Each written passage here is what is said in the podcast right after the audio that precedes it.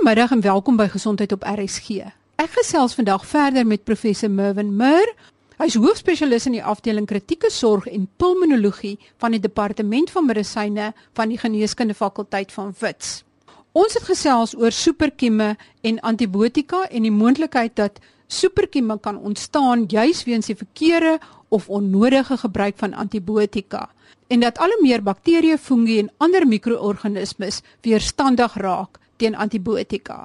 Twee belangrike punte is hier uitgelig. En dit is dat in kritieke siek pasiënte is daar veranderings in die liggaam wat maak dat die liggaamsvloeistof uit bloedvate lek.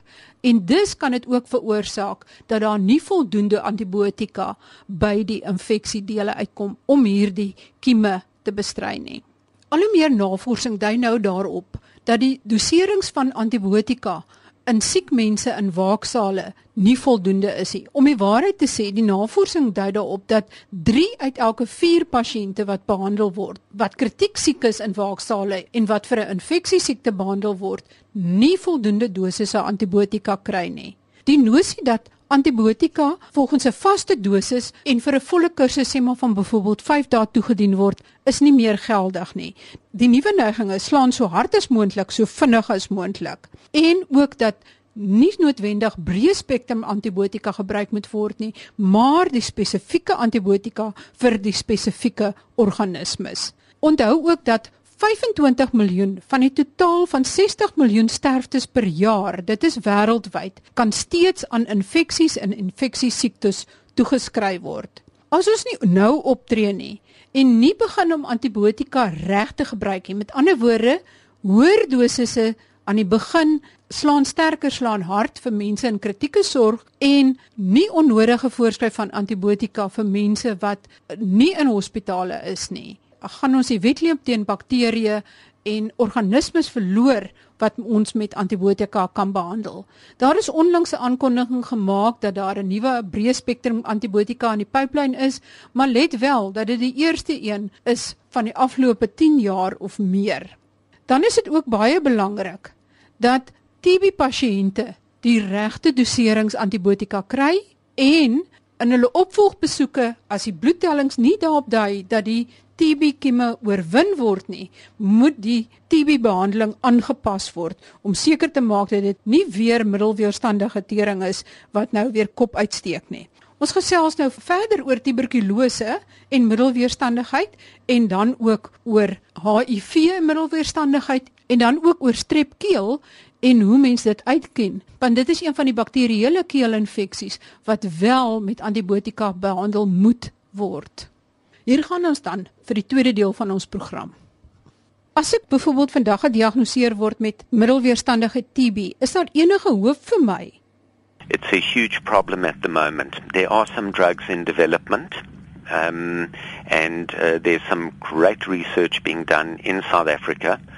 Uh, that research probably will only be made available in terms of uh, how effective it is in, in the year 2018, it's an enormously difficult problem to treat. If there's so-called XDR or totally drug-resistant TB, surgery may be an option, but very often these patients may have to be placed in centers that deal specifically with this issue for very protracted periods of time to try and deal with it appropriately.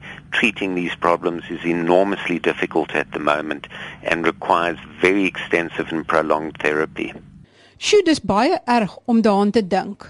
It is. And in fact, you know, there, there obviously will be individuals out there who who've heard of TB, and TB can affect anyone. Obviously, people who immunocompromised, and by that I mean whose immune systems are not as strong as as normal individuals, for example, patients with HIV and AIDS, patients on cortisone long term, patients who've been on, on various forms of chemotherapy, uh, patients with various disorders like rheumatoid arthritis who are on certain drugs that can interfere with the immune system are all at risk of developing TB, which really likes to attack people with immune systems that are not that strong. And uh, you just need one germ to infect one in a susceptible individual.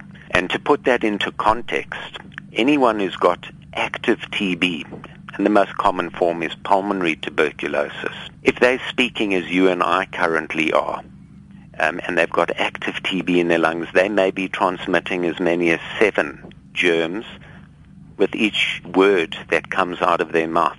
If they cough or sneeze over one, you may expel as many as 40,000 of these germs. And so we've recently also realized that you, you may not necessarily just get TB once. You can get TB twice or three times. Um, and having it once doesn't necessarily imply that you will be immune from getting TB again because the germs themselves differ. So someone who's had TB can get TB again. And uh, it, it is ubiquitous. It's, a, it's all over in the environment. You could be in a shopping complex and someone coughs or sneezes over you. They've got active TB and you're susceptible. You'll be exposed to as many as 40,000 of these particular germs. And if you're susceptible, you only need one to infect you. Ons hier in die suidpunt van Afrika is bang vir Ebola in Wes-Afrika, maar ons het 'n baie gevaarlike probleem reg op ons voorstoep. The single biggest problem that we have in healthcare in this country is tuberculosis. Is middelweerstandigheid 'n probleem in die behandeling van HIV? Just to put into perspective the whole HIV entity, over the last several years we've done exceedingly well. HIV is still despite the advances that have been made, is still a significant problem in South Africa and is still a significant cause of death in this country. In fact, Stats SA released um, statistics just about uh, 10 days, two weeks ago, and in fact, HIV deaths have moved up uh, to about five or six. TB is number one. And putting that into perspective, we've got round about 6.4 million people infected in this country mostly young individuals. ARVs, antiretroviral therapy, since its introduction has really made a dramatic difference, dramatic difference. And uh, we've now got about two and a half million patients on antiretroviral therapy, which makes those numbers the biggest in the world. We also have the biggest number of infected people in the world. But with adequate um, therapy, and the therapy is excellent now, most of these individuals appropriately treated can in fact expect relatively normal life expectancies. So for example, if you're 20 years old and meet the criteria to be put onto antiretroviral therapy, the therapies are so good that you can expect on average, the last estimates were around about another 43 years of life being looked after well in a scenario. That having been said, it's still a huge problem. We've reduced the prevalence and the incidence of deaths, but we're still seeing about 200,000 deaths per year in South Africa. That means around about just over 20 deaths an hour. And we're still seeing lots of new acquisitions, perhaps around about 400,000. That's far less than previously, but that means about 25 new acquisitions per hour. And so we still have a massive way to go, although we've made major strides in, in HIV once again, sticking to the drug regimens um, will mean that we will potentially avoid resistance issues, and the drug regimens are excellent. So the antiretrovirals that are available are really very, very good at the present moment, and we now have close to a million patients just on single drug therapy, so just taking one, one drug. Terug na superkieme. Is dit meestal infeksies weens kieme binne in die hospitaal of van kieme wat in die gemeenskap opgetel word, met ander woorde buite die hospitaal. They're largely hospital acquired infections that become very, very difficult to treat, but there are some community acquired infections that already demonstrate resistance to commonly used antibiotics. And that once again is largely related to the innocuous use of antibiotics, inappropriate use of antibiotics, and sometimes the use of antibiotics where it's totally not necessary. So for example, if you have a viral respiratory tract infection, a sore throat that is caused by a virus, you don't require an antibiotic for that. But very frequently, patients are disappointed having left the doctor because they weren't given an antibiotic. So it's not just a healthcare worker related entity, it's also pressure patients on healthcare workers often feel obliged to offer something to the patient so that they leave feeling as if something has been done for them.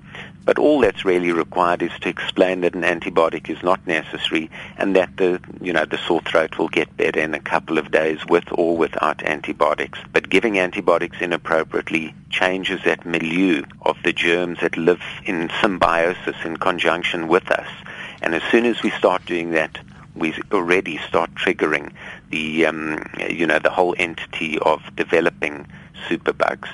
So we really have to be very vigilant in terms of how we prescribe antibiotics, to whom they are given, and in fact, I often refer to this as the D's of antibiotic therapy, and in fact, we're in the process of just about to publish a book on this for most healthcare workers, and there's several D's. The first is to make a decision, is there in fact an infection or isn't there? And if there is an infection, does it require an antibiotic? You've then got to know things like details of what I refer to as the drug and the bug and the mug, the host. So whom you in fact are treating. And then we take into account things like the dose and dosing, which we've alluded to, differences in the critically ill. I often refer to things like delay. The sooner we can treat very sick patients, the better. And uh, the durations, how long we should. And very few infections require protracted therapy anymore. You can't kill the same bug twice.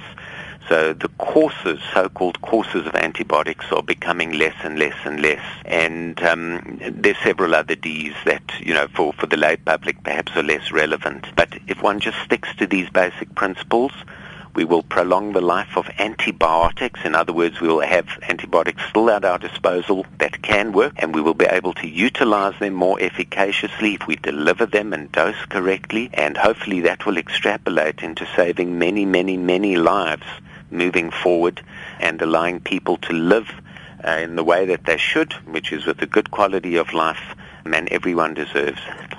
Everyone does. Professor Mer, jy het vroeër gesê dat in die meeste gevalle van 'n seerkeel of 'n longinfeksie, soos byvoorbeeld bronkietis, is die behandeling met 'n lang kursus antibiotika nie meer aangewese nie. Kan jy bietjie meer daaroor vertel? That is correct. So antibiotics should only be given if there's a bacterial infection. They don't work for viruses. And often, you know, upper respiratory tract infections are viral origin.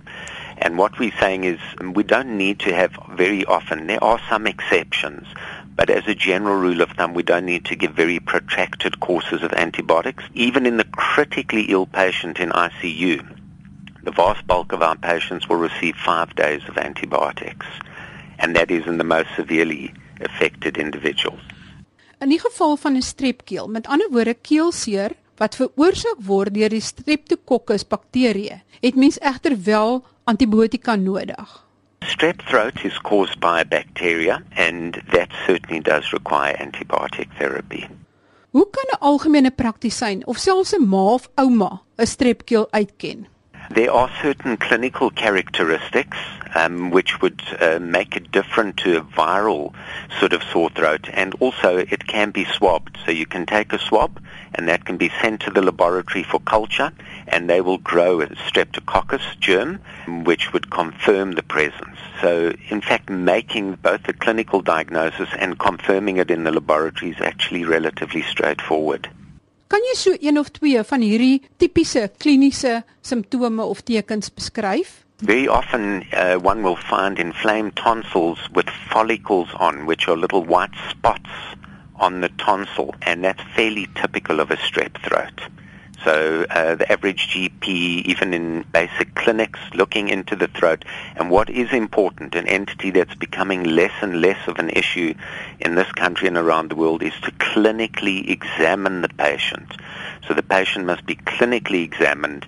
The mouth and the oral cavity needs to be properly evaluated.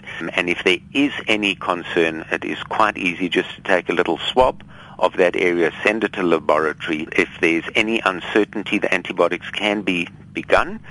Swab could be taken, and if there's no growth or culture, the antibiotics can then be stopped because they may not be necessary.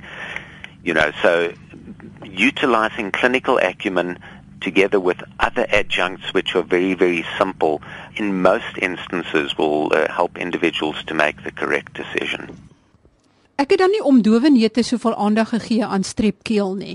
Keelseer wat deur die Streptococcus bakterie veroorsaak word, kan aanleiding gee tot reumatiekkoors en reumatiekkoors kan weer aanleiding gee tot reumatiese hartsiekte. En die gevolg van reumatiese hartsiekte is hartklep En dit is een van die grootste probleme in die ontwikkelende wêreld is hartklepskade weens reumatiekkoors weens onbehandelde of te swak behandelde seerkeel.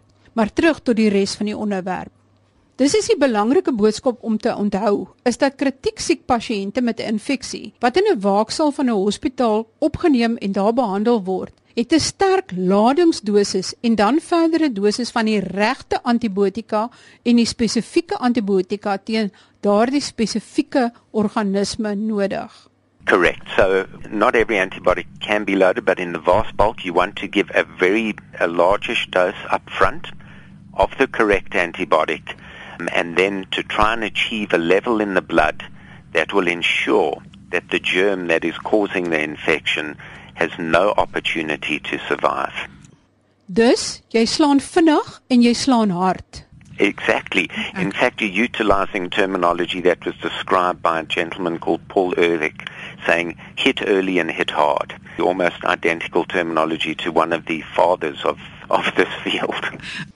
Maar die publiek moenie druk op hulle dokters plaas om antibiotika voor te skryf as dit 'n virus is of as dit nie absoluut noodsaaklik en aangewese is nie. No, in fact, there once again is wonderful data there just to demonstrate that if the healthcare worker explains to the individual why an antibiotic is not required, most people will be satisfied.